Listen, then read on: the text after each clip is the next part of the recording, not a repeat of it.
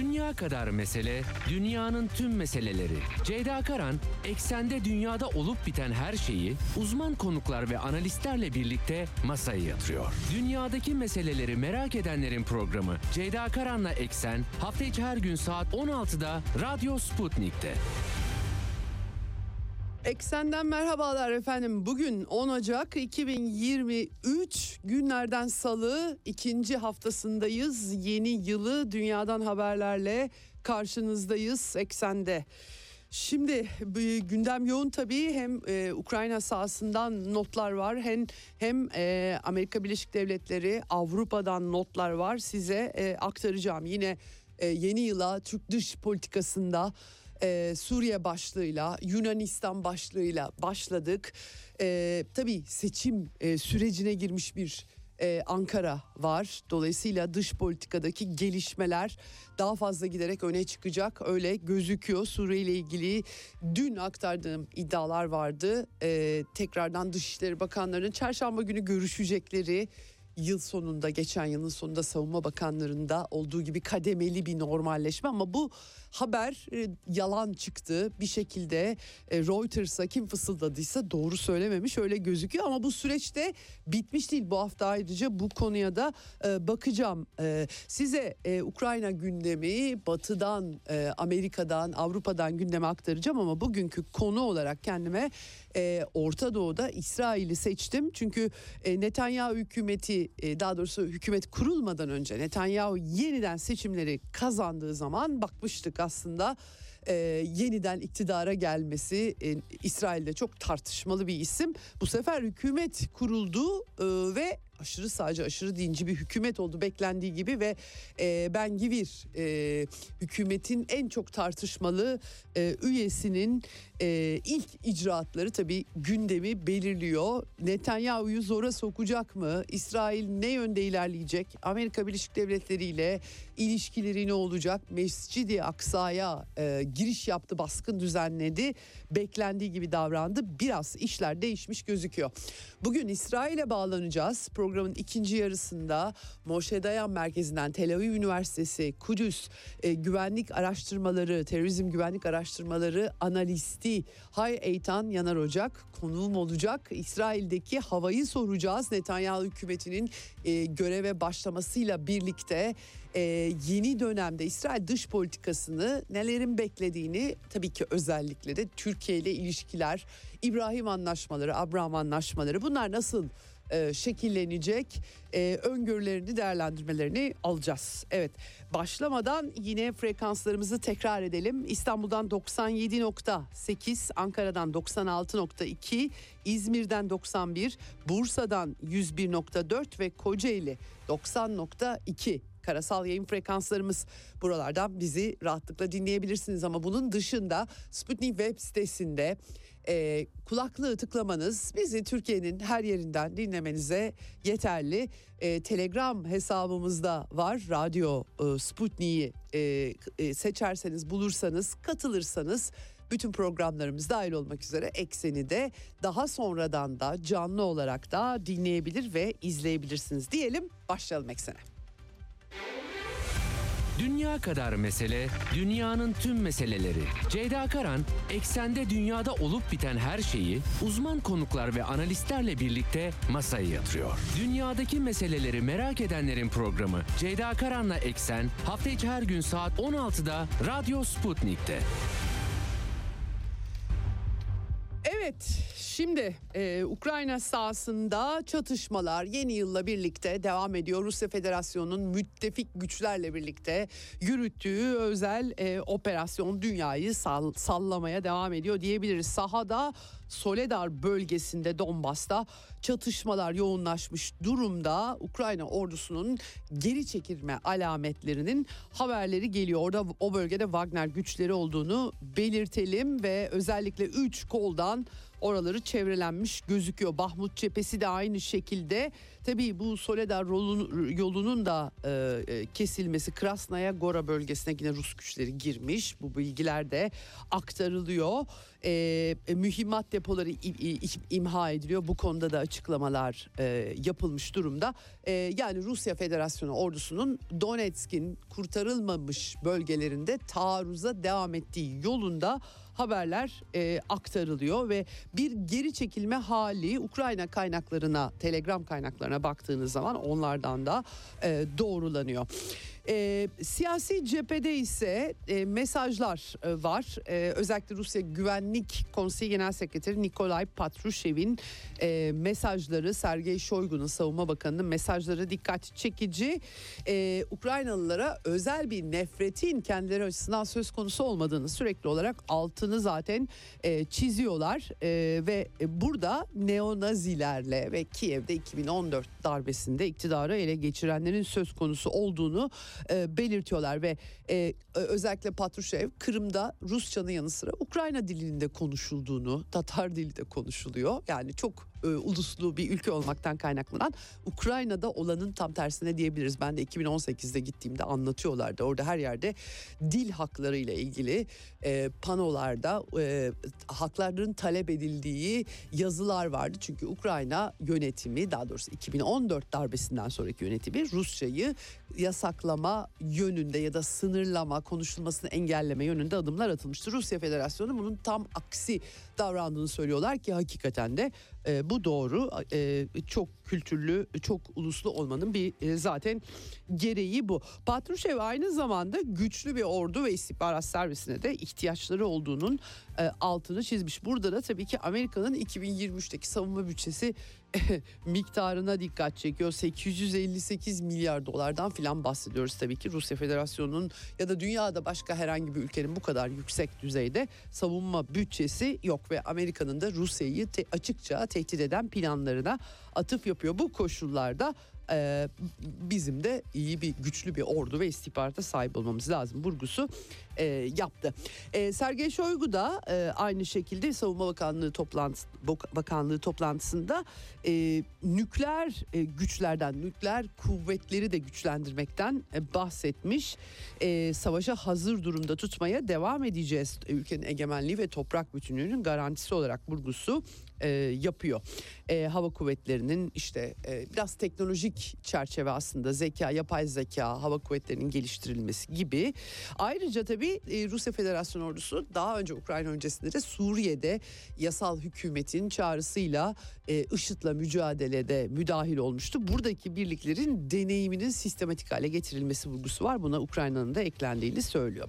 E, dikkat çekici bir gelişme e, Rusya Güvenlik Konseyi Başkan Yardımcısı Dimitri Medvedev'in Amerikalı temsilciler e, Victoria Nuland tam da Kiev'deki darbenin 2014 darbesinin e, arkasında perde arkasındaki en büyük organizatörü aslında. Ses kayıtları da sızmıştı kendisinin geçmişte Kiev'de kimi başa geçireceği, kimin daha uygun olduğuna dair konuşurken e, hem Nuland hem de e, e, Kurt e, Walker'la görüştüğü hatta Türkiye'de görüştüğü iddiası ortaya atıldı. Çok çok dikkat çekici ancak Kremlin e, sözcüsü Dimitri Peskov bu iddiayı doğrulamış gözükmüyor. Sadece e, Telegram kanallarından yalan haber sayısının fazla olduğunu dile getirdi. Daha önce istihbarat şefleri e, Türkiye'de görüşmüştü. Rusya ve ABD'nin istihbarat şefleri görüşmüştü. Ancak bunu da Batılılar hemen sızdırmışlardı epey bir. Yani bir şeylerin pazarlığı yapılacaksa da bunu böyle ifşa etmek e, e, ve bu anlamda da belki belki bir takım süreçlerin e, önünün tıkanması olarak da tabii görülüyor. Şimdi Ukrayna'da da Savunma Bakanı yardımcısı Anna Malyar açıklamalar yapmış. Ordumuzun muharebe etkinliği acemi yerler yüzünden düştü diye hakikaten çok ağır kayıpları olduğu Telegram kanallarından defalarca ispatlanmış bir biçimde geliyor. Dolayısıyla Batı'da Ukrayna bu işi kaza, bu çatışmayı kazanıyor anlatısının altı biraz boş. Elbette NATO'nun bütün e, gücüyle desteklediğini Amerika'nın Almanya'nın, Avrupa ülkelerinin her birinin eski Sovyet silahları dahil olmak üzere hepsini Ukrayna'ya sürekli verdiğini biliyoruz. Ama tabii ki insan kaynağı bakımından özellikle Bahmut'ta pek çok askeri stratejist niye bu kadar insan harcanıyor bu cephede diye eleştiriyorlar.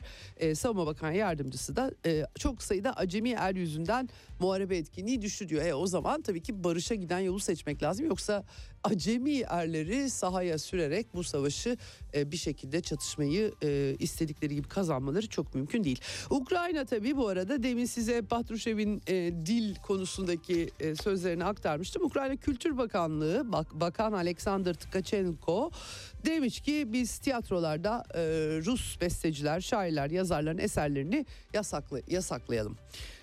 yani işte gördüğünüz gibi e, şimdi bu işlerle Çaykovski'nin Donbas'ta yaratılan e, Donbas'taki Rusların hakları ile ilgili e, üstelik de Batı'nın darbeyle tetiklediği bu süreçte Çaykovski'nin ne alakası var? Ünlü yazar Pushkin'in ne alakası var?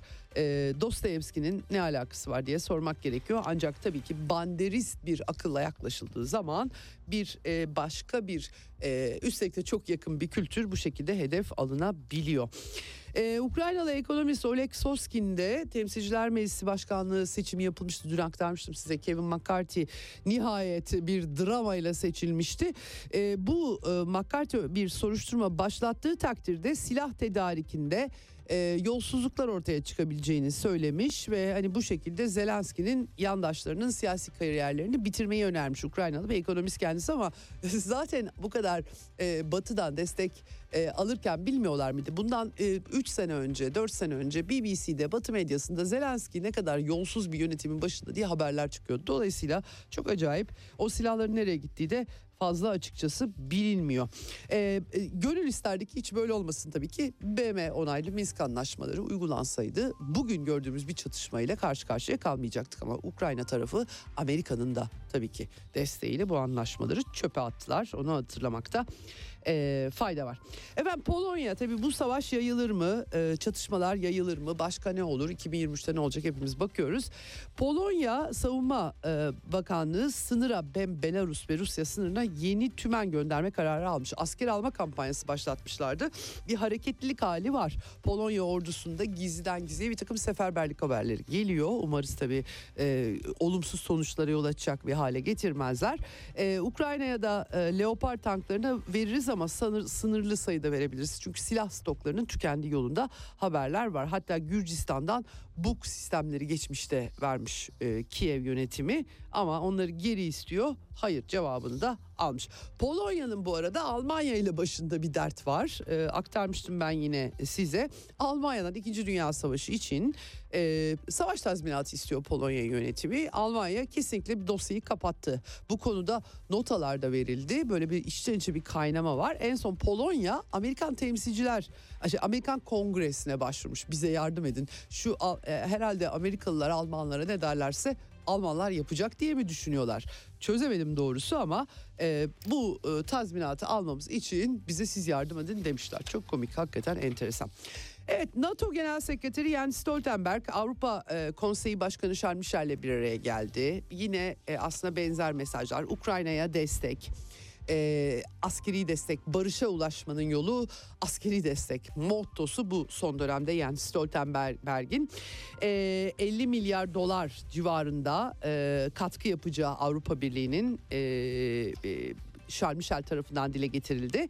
E, bu arada tabii ki e, bir e, ortak deklarasyon da yayınlandı. Stratejik ortaklığı pekiştiren NATO ile AB arasında çok önemli diyor Stoltenberg. Yani daha başka stratejik bir ortaklık e, bildirisine gerek var mı? Çok emin olamıyorum. Biraz komik geldi Avrupa Birliği ile NATO arasında ortak e, deklarasyon stratejik ortaklığa dair daha ileri düzeyde ilerinin gerinin anlamını çok çözemedim doğrusu ama Velhasıl e, tabii işlerin e, bir de e, e, askeri ayağı var. E, bir de İsveç'e Finlandiya'nın dün konuştuk Profesör Barış Doster'le üyelikleri var. E, üyelik için onay vermesi gerekiyor. Macaristan parlamentosunun 23 Ocak gibi toplanıp e, onayı vermesi bekleniyor ama Türkiye ne yapacak soruları var.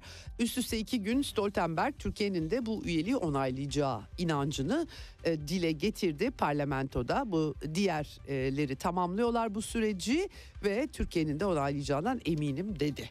E, bu bir, bir bu konuda tabii ki herkes sorular yöneltiyor. Ne olacak, ne bitecek diye. Evet Avrupa ekonomisinden birkaç başlık e, aktarmak istiyorum. E, hakikaten dikkat çekici Avrupa'nın en zengin ülkelerinden bir tanesi İsviçre. Merkez Bankası efendim e, sermaye piyasalarında yüksek dalgalanmaların etkisiyle geçen sene 132 milyar İsviçre frangı yani 143 milyar dolar yaklaşık zarar açıklamış. Bu tabii İsviçre Merkez Bankası'nın 115 yıllık tarihindeki en e, büyük zarar anlamına geliyormuş. Ee, çok dikkat çekici düşen hisse senedi sabit gelirli getirili piyasaların hisse tah- tahvil portföy, portföy, portföylerinin değerlerinin düşmesinden bahsediyorlar. Çok e, dikkat çekici.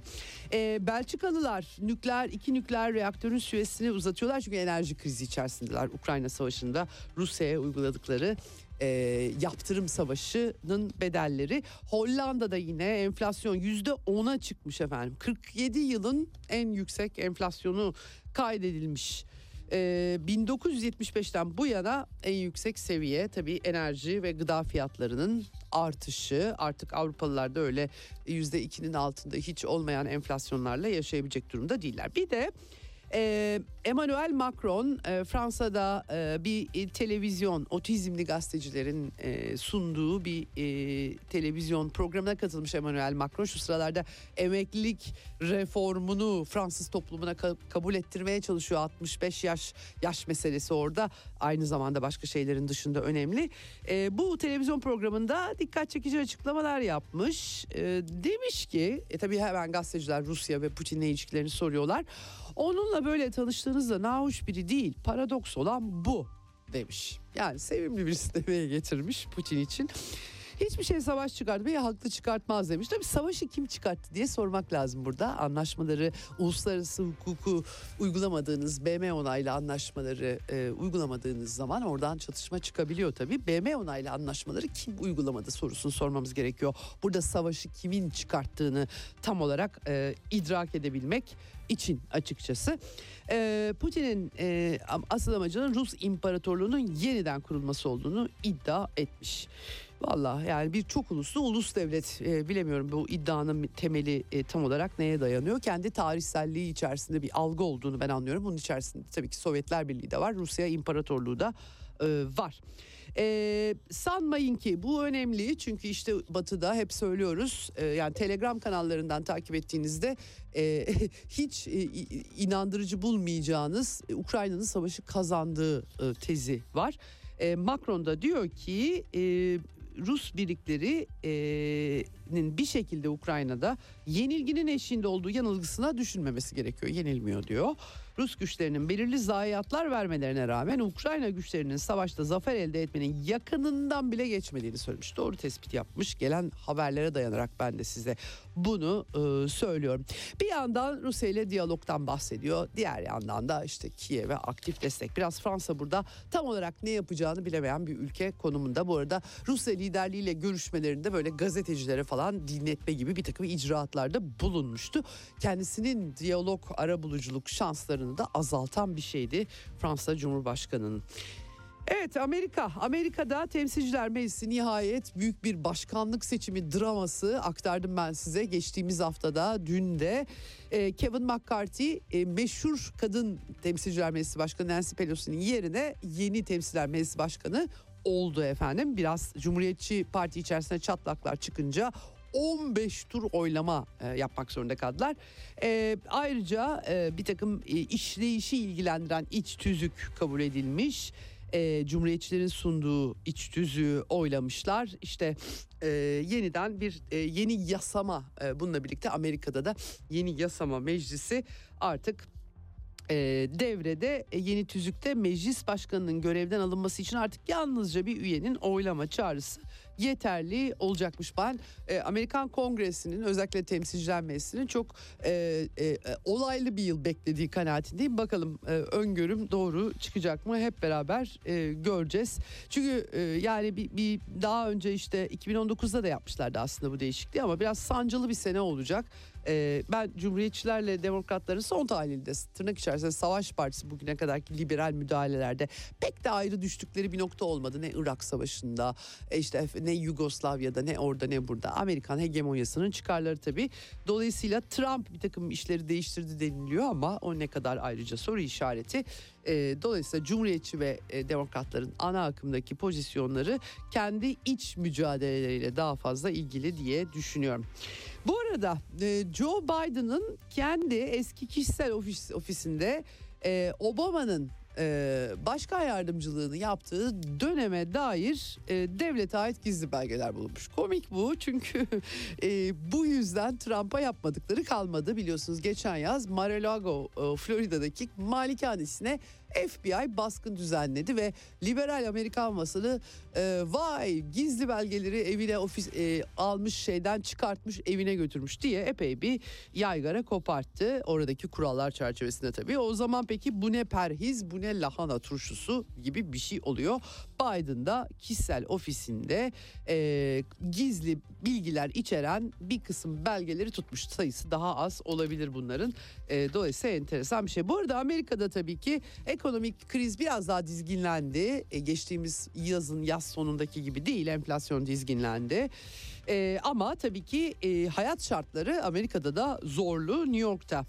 E, iki hastanede 7 binden fazla hemşire greve gidiyor. Aslında grev falan da istemiyorlar yapmak ama pandemiyle 1 milyondan insan, fazla insan Amerika'da hayatını yitirdi. Yani Batı medyası böyle Çinliler ne yapıyor falan diyorlar ama kaç kat insan bayağı e, gömdü Amerika. Az buz bir rakam değil ve e, sağlık çalışanları da çok yoruldular o süreçte. Çok emek verdiler. Dolayısıyla e, şimdi büyük sıkıntılar, e, yüksek enflasyon pandeminin hala yükünü yaşıyorlar ve şikayet ediyorlar. E, hastaları filan nakletmişler iki hastaneden. E, hakem bulunsun falan deniliyor. Anlaşma, diğer anlaşmalar belki yani burada umarım emekçiler olarak haklarını alabilirler. Tokyo'da, Japonya'da da son 40 yılın rekoru yüzde 4 enflasyon. Türkiye'de tabii yaşayınca yüzde 4 enflasyon enflasyon mu bu da nedir diyebilirsiniz rahatlıkla ben de şaşkınlıkla bakıyorum ama orası pahalı ülke hakikaten yüzde dört büyük bir rakam oluyor. Ee, bu da enerji ham madde fiyatları. Evet e, Çin meselesini sıkça konuşuyoruz. 2023'te de Çin politikaları e, dikkatli izleyeceğiz. Çin Amerika ilişkileri Çin Rusya Çin'in Asya ile ilişkilerini Avrupa ile de ilişkilerini. E, tabii e, Amerika Birleşik Devletleri nasıl e, Ukrayna'da çözümü tıkayıp Avrupa Birliği ile Rusya arasına e, taş koyduysa da e, koyduysa Çin'in de Avrupa ile ilişkilerini daha karmaşıklaştıracak telkinleri eksik olmuyor. Bunun alıcısı da var e, Avrupa'da zaten. Almanya'da efendim e, Çin'in e, Çin'le ilgili yani Çin'e daha az bağımlı olalım. Kime bir tek Amerika'ya bağımlı olmak istiyorlar öyle anlaşılıyor. E, halbuki para kazanıyorlar, sanayileri işliyor. Bir de pazar kocaman devasa bir pazardan bahsediyoruz. Velhasıl e, Almanya'da hükümet tabii e, e, böyle işler yapıyor. Nasıl biz ne yaparız da Çin'in ham maddelerine, bataryalarına, yarı iletkenlerine bağımlılığımızı azaltırız. İşte yeni bir ticaret politikası kuralım falan diyor e, Almanlar. Bakanlık 100 sayfalıkta bir rapor hazırlamış ve e, e, bu rapora uygun hareket edecek. Tabii Çin Büyükelçisi, Çin'in daha doğrusu Berlin'deki Büyükelçisi Wu Ken biraz sinirlenmiş. Demiş ki yani bu soğuk savaş zihniyeti ni yansıtıyor. E, ilişkileri de ayrıca riske atar. Olaf Scholz Pekin'e gitmek durumunda kalmıştı. E, sonbaharda hatırlayalım ve özellikle de Çin'le ilişkileri koparmama vurgusu e, yapmıştı ama tabii e, böyle raporlar e, e, Scholz hükümetinin, sosyal demokrat hükümetin daha Amerikancı yeşiller ve hür demokratlar ayağı da ayağı da e, bulunuyor. Dolayısıyla da böyle bir e, sorun var. Büyükelçi Çinli büyükelçi demiş ki Alman hükümetinin bağımsızlığını kaybettiği ve bunun yerine Çin'in politikası meselelerinde tamamen ABD'yi takip ettiğini bu olup bitenler gösteriyor demiş. Hakikaten öyle yapıyorlar. Onu da rahatlıkla söyleyebiliriz. Bütün olgular buna işaret ediyor. Evet bu arada e, Çin açıldı artık 8 Ocak itibariyle dünyayla da bağları açıldı. Üretim, tatile çıktılar orada biliyorsunuz milyonlarca insan e, tatil döneminde ortalıkta evlerine gidiyorlar, gezmeye gidiyorlar. Dolayısıyla tamamen bir iş turizmin canlandığı bir e, durum e, oluşmuş vaziyette. Fakat iddialar var tabii Sincan eyaletinde karantinada bir evden çıkan bir yangının e, can kayıplarına yol açmasıyla bir bütün bu Covid protestoları açılma öyle başlamıştı. Protestolar olmuştu ve Çin hükümeti de e, artık e, Covid seviyesini düşürmek durumunda kalmıştı. E, dolayısıyla açılma geldi ama işte aynı eyalette e, Henan eyaletinde pardon e, ki 99 milyonda nüfusu var. Her eve Covid bulaştığı yolunda iddialar ortaya atılmış vaziyette. Ee, bahar bayramının faturası olacak mı Çin'e? Bu kadar çok seyahat hareketlilik ne getirecek? Tam da üretime açıldılar. Önemli bir şey Çin'de tabii ki. Ciddiye de alınıyor bu bu arada. Yani öyle Amerika'da İtalya'daki gibi ölsünler yaşlı bunlar zaten diye de yaklaşılmıyor. Ee, o yüzden nereye varacak göreceğiz. Burada Suudi Arabistan'da hac ibadetinde uyguladığı Covid-19 sınırlamalarını kaldırma kararı e, almış. Bu yıl uygulanmayacak. E, sıkıntılı olmuştu iki senedir hac ibadetleri herkes için. Evet yavaş yavaş Orta Doğu, Türk dış politikası ve Orta Doğu'dan notlara gelelim. Konuğuma e, bir 5 dakikam var. E, Libya'da Trablus'taki başkentteki idari mahkeme e, 2002-2022'de en son imzalanan Türkiye ile hidrokarbon işbirliği anlaşmasının askıya alınmasına karar vermiş. Bu çok dikkat çekici çünkü Türkiye'de e, Dışişleri Bakanı Çavuşoğlu başta olmak üzere yetkililer e, daha önceki mutabakat üzerine bu anlaşmayı ortak aramalar için anlaşmanın önemini vurgulamışlardı. Askıya alınması büyük bir sorun tabii ki. Ekim 2022'de imzalanmıştı. Tabii Libya tam kaynar kazan vaziyette. Çünkü e, şimdi e, gelen haberler hakikaten işte mesela bir yandan Hafter Mısır'la buluşuyor. Türkiye e, Mısır ilişkilerinin normalleştirilmesi için bir Libya kilidi var. E, Libya'dan vaz mı geçecek Türkiye diye söylen e, sorular sormak mümkün. E, ki e, bugün Kahire'de görüşmeleri olduğunu görüyorum. E, diğer yandan da e, aynı zamanda mesela Girit'in güneybatısında işte Yunanistan bir yandan 12 mile çıkartmaktan bahsediyor karasularını. Libya ve Yunanistan arasında ihtilaflı bölgede Exxon Mobil sondaj süreci hızlanıyormuş. Böyle bir Doğu Akdeniz'de bir ısınma olduğunu açıkça dile getirmek mümkün bu gelen haberlerden ama Libya'daki mahkemeden gelen haber askıya alma haberi Türkiye ile anlaşmayı tabii ki e, önemli. Türkiye'nin e, e, Libya'da e, bölünmüş Libya demek lazım bu arada. Libya bir NATO müdahalesiyle artık ülke olmaktan yekpare anlamda bir ülke olmaktan çıkarılmıştı malum. E, e, dolayısıyla sadece bunun bir parçasıyla anlaşma yaptığınızda onun mahkemesi bile iptal edebiliyorsa gerçekten zorlu bir süreç var anlamına geliyor. Evet ve Yunanistan bu sene Yunanistan'la da ilişkilerin kızışması beklentileri herkeste var. Meriç kıyısında 35 kilometrelik ilave çit, çelik çit çekecekler giderek böyle bir tabii göçmen meselesi e, sadece Ege Adaları değil göçmen sorunu da var. Almanya Dışişleri Bakanı Annalena Baerbock e, Kasuridis Güney Kıbrıs Rum Dış İşleri Bakanı ile ortak basın toplantısı yapmış. İki devletli çözüm söz konusu bile olamaz demiş. Aa, tabii ki Annalena Baerbock da Amerikalılar gibi bizim istediğimiz yerlerde iki devletli çözüm, bizim istediğimiz yerlerde özerklik, bizim böldüğümüz yerlerde her şey olabilir ama bizim istemediğimiz iki devletli olamaz. Bizim beğenmediğimiz etnik kimlikler kötüdür falan gibi tavırları var. Böyle kestirip atmış. Annalena Baerbock'un tutumu Berlin'i ziyaret ediyor e, Güney Kıbrıs Rum e, e, Bakan. E, bu vesileyle BM kararlarına atıf yapmışlar. Çok enteresan. Kıbrıs'ta BM kararları var tabii. E e, Minsk anlaşması da Donbas için bir BM kararıydı ama o anlaşmayı çiğnediler. Gördüğünüz gibi uluslararası hukuktan anladıkları sadece kendilerinin uygulanmasını istediği uluslararası hukuk oluyor. Evet e, şimdi Suriye'de Dışişleri Bakanları girişte söyledim e, görüşmeleri bekleniyordu. Henüz bir tarih belirlenmemiş efendim Suriye kaynakları bunu aktarıyor El Vatan'a. Çarşamba günü Dışişleri Bakanları Moskova'da görüşebilir diye iddialar ortaya atıldı. E, ama bunun aslı astarı çıkmadı. Zaten Çavuşoğlu da e, Brezilya'ya falan gitmişti. Güney Afrika 8-14 Ocak tarihleri arasında böyle Afrika turuna çıkmış vaziyette. Dışişleri Bakanı ortada yok. Moskova'ya da gidemez durumda. E, tuhaf bir görüntü var. E, Savunma Bakanı e, Hulusi Akar e, kabine toplantısı yılın ilk kabine toplantısı sonrası açıklamalar yaptı ve Suriye temaslarının dedi Rusya'nın arabuluculuğunda bölge için barışa istikrara katkı sağlayacak bir donuma, dön, duruma e, dönüşeceğini söyledi. Suriyelilerin gönüllü dönüşlerini de içerecek bir süreç barışa giden e, yani sadece Rusya Ukrayna değil Suriye topraklarında da Türkiye'nin e, çabalarını sürdüreceğine işaret eden açıklamalar yapmış durumda. Bu bir süreç diyor Savunma Bakanı. 11 yıl sonra tamamen iyi niyetle iki ülke arasındaki ilişkiler ve bölge barışı için böyle bir şey başladı. Temennimiz bu karşılıklı görüşmeler yoluyla gelişir bölge için barışa istikrara katkı sağlayacak hal alır diyor. Önemli bu hep beraber göreceğiz nasıl sonuçlanacağını. BM Güvenlik Konseyi bu arada Türkiye üzerinden Kuzeybatı Suriye'ye sınır ötesi yardım sevkiyatında 6 ay uzattı Rusya'da bloke etmemiş gözüküyor bunu. Evet şimdi ee, konuma bağlanacağız birazdan ama ondan önce son olarak bir de Latin Amerika'dan Brezilya'daki son durumu aktarmak istiyorum size. Hafta sonunda 1 Ocak'ta Lula da Silva geri döndü Brezilya'da 2000'li yılların başındaki gibi Latin solu ne kadar canlanacak ne olacak ne bitecek bakıyorduk ki e, neofaşist lider Jair Bolsonaro'cular e, 3 yeri yüksek mahkemeyi devlet başkanlığı ve kongre binasını bastılar. E, Lula çok sert bir açıklama yaptı e, ve e, herkesin tabii ayağa kalkmasıyla yakalananlar oldu. 1500 kişi gözaltına alınmış.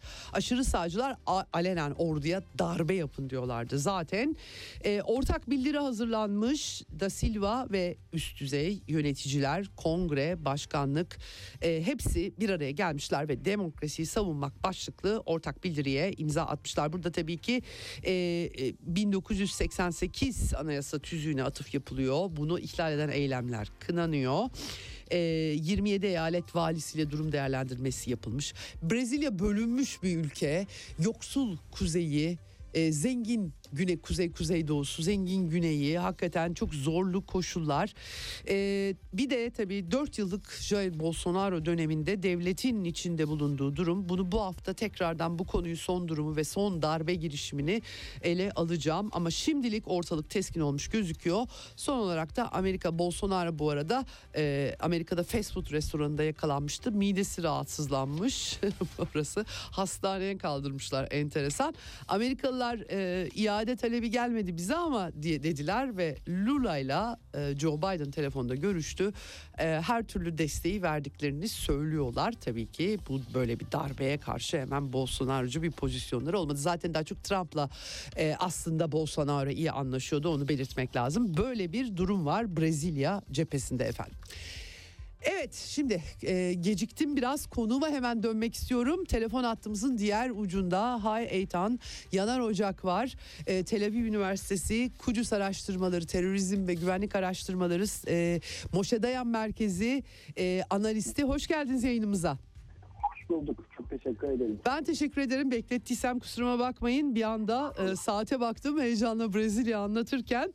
E, şimdi e, tabii Orta Doğu'da da dünyanın her yeri hareketli. 2023'te zaten 2022'den taşınan bir Ukrayna çatışması var. İşte Tayvan meselesi çok ısınmıştı vesaire. Şimdi Latin Amerika, e, Akdeniz, Avrupa derken bir Orta Doğu biraz son yıllarda sakindi ama e, bilmiyorum katılır mısınız bana? Gerece olarak diyelim e, en azından. E, İsrail'de e, bir yıldan biraz fazla zaman sonra bir yeni e, seçim yapıldı yeniden. E, sizinle de konuşmuştuk Türkiye ile ilişkiler bakımından. Ama şimdi Netanyahu geri döndü. E, biraz daha e, aşırı sağcı ve e, diyelim geçmişte de aslında İsrail'de aşırı sağcı kanat ya da dindar kanat temsil edilmişti ama sanki biraz daha fazla bir e, şey var gibi. E, daha yüklü bir resim var gibi. E, Mescid-i Aksa e, baskını ya da Mescid-i Mescid Aksa'ya da Müslümanlar illa Müslüman olacaksın giremezsin diye bir şart koşuyorlar.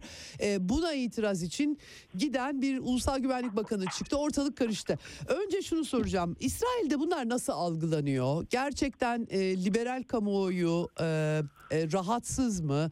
Netanyahu çok tartışmalı bir biçimde iktidardan gitmişti ama tekrar geri döndü. Neler konuşuluyor? Nasıl bir iklimde bunlar tartışılıyor?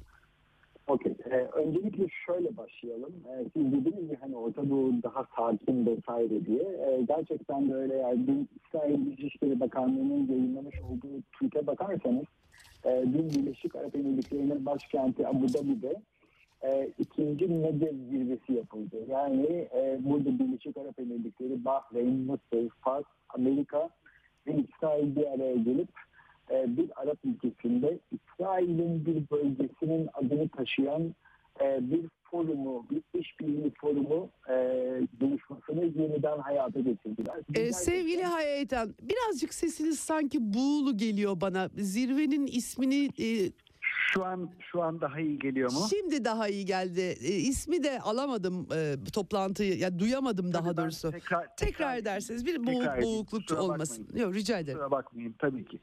Ee, dedim ki eğer dün İsrail Dışişleri Bakanlığı'nın atmış olduğu tweet'e bakarsanız eğer Birleşik Arap Emirlikleri'nin başkenti e, Abu Dhabi'de çok önemli bir zirve gerçekleşti. Bu zirvenin adı Negev zirvesiydi. Negev, Negev. bildiğiniz gibi Evet. İsrail'in güney bölgesi, e, çöl bölgesinin e, ismi. E, geçtiğimiz yıl orada bir e, forum gerçekleşmişti. Bu foruma Birleşik Arap Emirlikleri, Bahreyn, e, Mısır, Fas, Amerika ve İsrail toplam 6 ülke katılmıştı. Bu buluşmanın ikinci buluşması yani bu zirvenin ikinci buluşması yine Negev ismiyle e, dün Abu Dhabi'de gerçekleşti. Yani bu aile fotoğrafına baktığınız zaman gerçekten artık İsrail'in Orta Doğu'nun yeni normali olduğunu e, anlamanız kaçınılmaz. Hı hı, hı hı, hı. Yani artık bambaşka bir Orta Doğu'dan bahsediyoruz. Evet. E, dolayısıyla bu Orta Doğu'nun e, aslına bakarsanız mimarı bir evvelki e, hükümet, İsrail hükümeti yani Benjamin Netanyahu hükümetiydi. Evet. Hatırlayalım, e, o zamanlar Donald Trump baştaydı. E, Donald Trump işte e, damadı Jared Kushner ve Benjamin Netanyahu üçlüsünün e, hazırlamış olduğu bir e, siyasi e, vizyondur bu İbrahim anlaşmaları. Dolayısıyla e, şu anki yeni e, İsrail hükümeti e, bu e, bahsi, bahsi geçen e, vizyona tamamen e, sarılmış vaziyette. Bunu ilerletmeyi e, istiyor. E, ancak tabii ki sizin de programı açarken bahsetmiş olduğunuz e, bazı e, problematikler var. Mesela Kudüs'ten e, bahsettiniz. Şimdi e, Kudüs'ten bahsettiğiniz zaman e, İsrail'de çok önemli bir kavram var, statüko diye.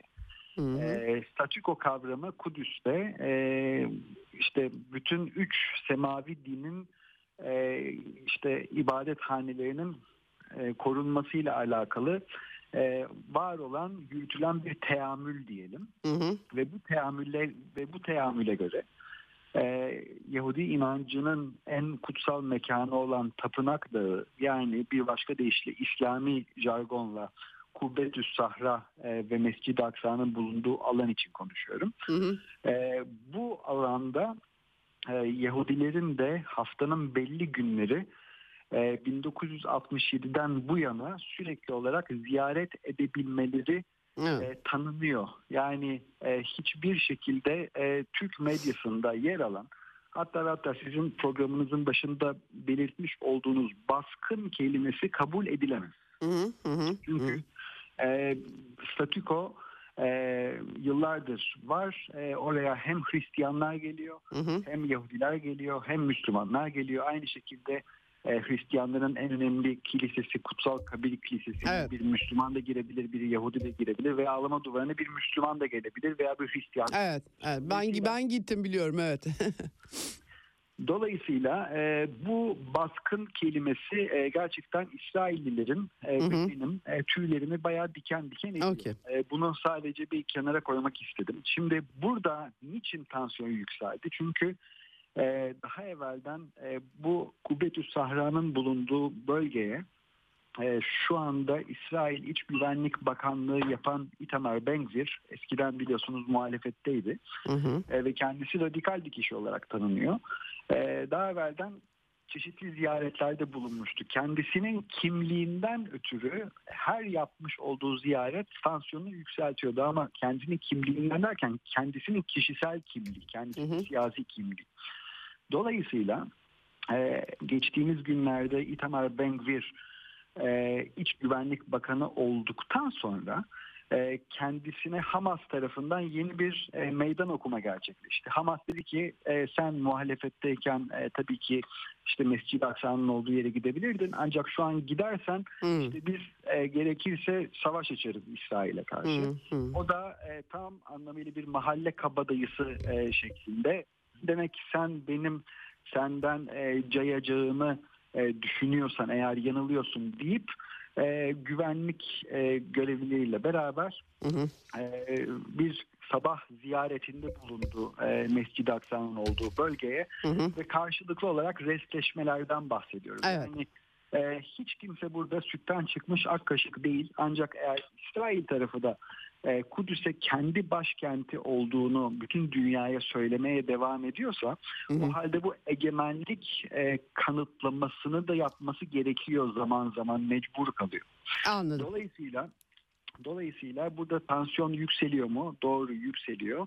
Keşke hiç kimse hiç kimseye kafa tutmasa, e, Evet. hiç kimse hiç kimseye belirli şeyleri kanıtlamaya çalışmasa. Evet. Ancak evdeki hesap çarşıya uymuyor. Dolayısıyla şu anda Netanyahu'yu bakacak olursak Netanyahu'yu ben e, bir şekilde e, hani böyle hokkabazlar vardır ya ellerinde Hı. 6-7 tane top e, ile hokkabazlık yaparlar. Evet. Jonglör yani. Evet. E, ben Jonglör. Evet. Jonglör. al- 6-7 tane sıcak patates tutan e, ve elleri sürekli olarak yanan bir jonglöre benzetiyorum ben Hı hı. Netanyahu'yu. Çünkü kendi partnerleri hiç kolay partnerler değil. Değil. Evet. E, çünkü bunu da söyleyelim sonra da size tekrardan e, yeni soru sormanız için tabii ki Hı bırakacağım. hı. E, Netanyahu'nun bütün e, geleneksel partnerlerini yine Netanyahu kendisi küstürdü. Dolayısıyla şu anda Netanyahu bu çok aşırı sağda bulunan yeni aktörlere mecbur kalmış vaziyette. hı. Hı hı. E, dolayısıyla izleyip göreceğiz. Yani ben Netanyahu'nun yerinde olmayı hiç istemezdim, hiç kıskanmıyorum. Evet, Çok evet, evet. Şimdi tabii ama bu e, hakikaten İbrahim Anlaşmaları sürecinde ins- inşa edilenler, tabii ki bunlar biraz çıkar ilişkileri de elbette yani bunu da anlayışla karşılamak lazım da e, e, bir de hassasiyetlere denk düşen yer var. Yani Filistin sorununun çözümsüzlüğü de e, ortadayken bunu biraz daha dinle birleştirerek bir algı ortaya çıkıyor. İşte o mekana sen girersin, ben girem, giremem. Aynen. Ben de girememiştim. Beni de almadılar son seferde bu arada. Ee, neyse. Ee, şimdi e, e, bu buradan başka politik bir resim çıkıyor tabii.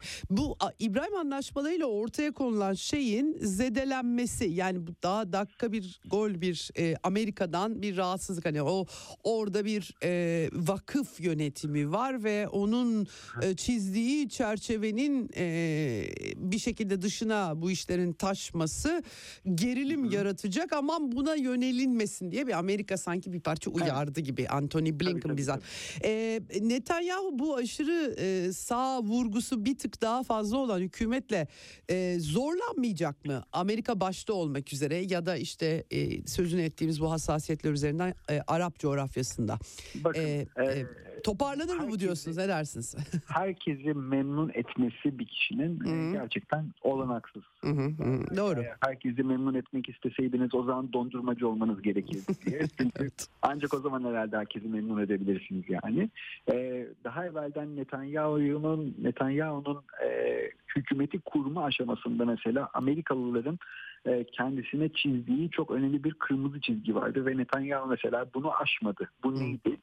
Ee, Savunma Bakanlığı görevine e, bu e, ismi kötüye çıkmış olan hani radikal olarak nitelendirdiğimiz siyasi liderlerin ge- getirilmemesi konusunda çok net bir Amerika e, talebi vardı. Hı hı. E, ve bu şekilde e, şu anda Netanyahu mesela e, Savunma Bakanlığı görevine eski İsrail generallerinden Yoav Galant'ı getirdi E, ve e, Bezalel Smotrich'i mesela e, ki bu, bu kara listede olan bir isim Amerikalılar için mesela Hı hı. Bezalel Smotrich'i atamasını yapmadı mesela Savunma Bakanı olarak.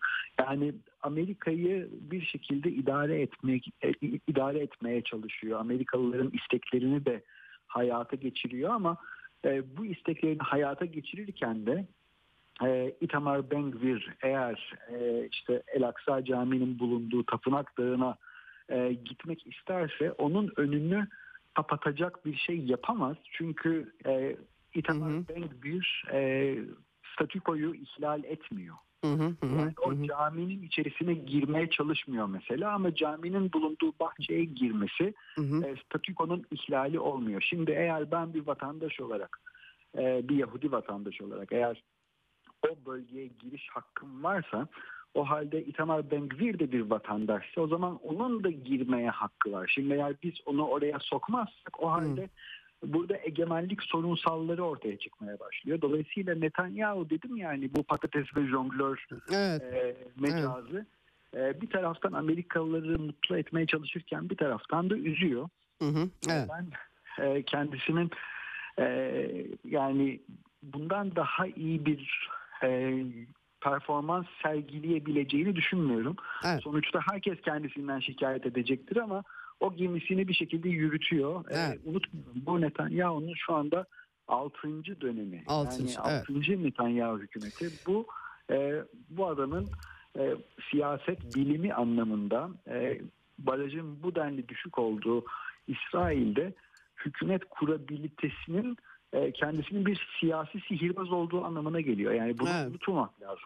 Peki Türkiye'yi de tekrar sorayım. Yani şimdi e, ilişkiler tam da bir düzeldi. İşte güven mektupları vesaire büyükelçiler e, yoluna en azından rayına oturmuş gözüküyor. Ama bu işte Kudüs meselesi yine bir parça işte uyarılar falan çıkıyor. Bu süreci e, Netanyahu hükümetinin e, ideolojik karakteri e, etkiler mi diye sorayım. Tabii Türkiye'yi de sormak gerekiyor. Ee, şimdi bu sadece Netanyahu hükümetinin ideolojik karakteriyle bitmiyor. Bu aynı zamanda Erdoğan hükümetinin de ideolojik Evet. karakteriyle bitiyor. Yani karşılıklı olarak birbirleriyle Evet. ne kadar sürtüşürler sorusu burada e, ön plana çıkıyor. E, şu anda şu ana kadar gördüğüm e, işte İsrail'in çiçeği burnundaki yeni Dışişleri Bakanı Eli Cohen'le e, Türk Dışişleri Bakanı Mevlüt Çavuşoğlu'nun mesela e, temas içerisinde olması bence çok sevindirici bir şey. Evet. Ee, karşılıklı olarak e, sürtüşmek yerine medya önünde eğer bir rahatsızlık varsa bunun gerekli kanallar kullanılarak e, gerekli muhataplara iletilmesi yine çok önemli. Hı hı. E, ben e, hani bir kenardan bakan bir e, araştırmacı olarak baktığım zaman beni tek rahatsız eden şey bu baskın kelimesinin Evet. e, gerek Türk medyasında gerekse de e, Türk Dışişleri Bakanlığı'nın e, bildirilerinde kullanılması. Bunun Evet. dışında Ama Batı'da da Batı'nın Yani liberal medyası da galiba biraz rahatsız ben birden. O yüzden orada da bir şey Ya, çıktı yani. Hani sadece sorun sorun sadece Bengvir değil maalesef. Evet. E, sade vatandaş girdiği zaman da Türkiye'deki birçok medya bunu baskın olarak Hı hı. e, yazıyor. Halbuki bu baskın değil yani bu Evet, bir evet. ziyaret. Bugün Evet. e, Türkiye'de örnek verelim Edirne'de Selimiye Camii'ye ben mesela e, gittim e, ziyaret ettim. Ben şimdi o camiye baskın mı yaptım? Tabii, Hayır, tabii, tabii, Ben bir camiyi ziyaret ettim. Siz yarın ağlama duvarına gelin bizim misafirimiz olun. Yani herkesin herkese saygı duyması lazım. Evet. İşte politik şeyler orada değiştiriyor işi.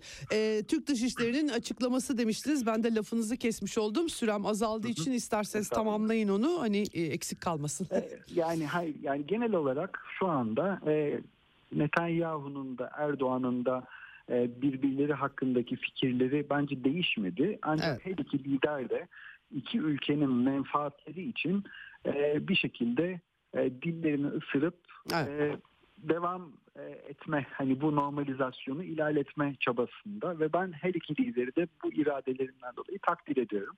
Umarım e, aklı selim her her daim galip gelir. Çünkü iki ülkenin menfaati gerçekten ayrı düşmelerinden çok daha e, önemli. Yani Evet. bu menfaatlerin güdülmesi lazım. Hem İsrail'in çıkarına hem Türkiye'nin çıkarına. Evet. Ee, bit, süren bitti aslında ama çok kısa bir de Rusya'da Rusya ile ilgili Putin'le de arası çok iyiydi Netanyahu'nun. Biraz daha dengeli olmasını bekler miyiz? Onu da e, son Aynen. olarak. bekleyebiliriz. Zaten e, İsrail basınına yansıdığı şekliyle e, Netanyahu hükümetinin e, devreye girmesiyle beraber e, Rusya ile e, direkt temas sağlanacağına dair e, Hı hı. haberler çıktı zaten İsrail basınında da. E, bu açıdan Netanyahu e, bir evvelki başbakan Yair Lapid'e nazaran oldukça daha pragmatik. Hı hı. E, nitekim hatırlayalım sadece Yair Lapid'den bir evvelki başbakan Naftali Bennett ki rotasyonla başa geçmişlerdi Hı bunlar. hı. Evet. E, o mesela Kremlin'de Putin'i ziyaret etmişti. Evet. E, ama Lapid mesela e, Rusya konusunda çok daha sert bir, çok Evet. daha Ukrayna yanlısı bir Hı hı. e, tutum sergilemişti. Bu daha bariz e, Ukrayna yanlısı tavrın Netanyahu hükümetinde daha gri alana e, çekileceği ve Rusya ile daha iyi ilişki kurulmaya çalışılacağı e, gibi bir izlenim e, yaratılıyor şu anda. Evet. Ama genel çerçevede baktığımız zaman İsrail kendisini daha çok Ukrayna tarafına yakın görüyor. Bu da bir gerçek. Evet. Peki çok çok teşekkür ediyorum e, değerlendirme için. Ben çok teşekkür ederim. İyi çalışmalar diliyorum Ceyda Hanım. Sağ olun. Evet, e, İsrail'e bağlandık. Hay Eytan Yanar Ocak'la konuştuk. E, uluslararası analiz Türkiye-İsrail ilişkileri konusunda özellikle sık sık konuşuyoruz kendisiyle. E, yarın e, Eksen'de görüşmek üzere. Hoşçakalın efendim. Ceyda Karan'la Eksen sona erdi. Dünya kadar mesele, dünyanın tüm meseleleri. Ceyda Karan, Eksen'de dünyada olup biten her şeyi uzman konuklar ve analistlerle birlikte masaya yatırıyor. Dünyadaki meseleleri merak edenlerin programı Ceyda Karan'la Eksen hafta içi her gün saat 16'da Radyo Sputnik'te.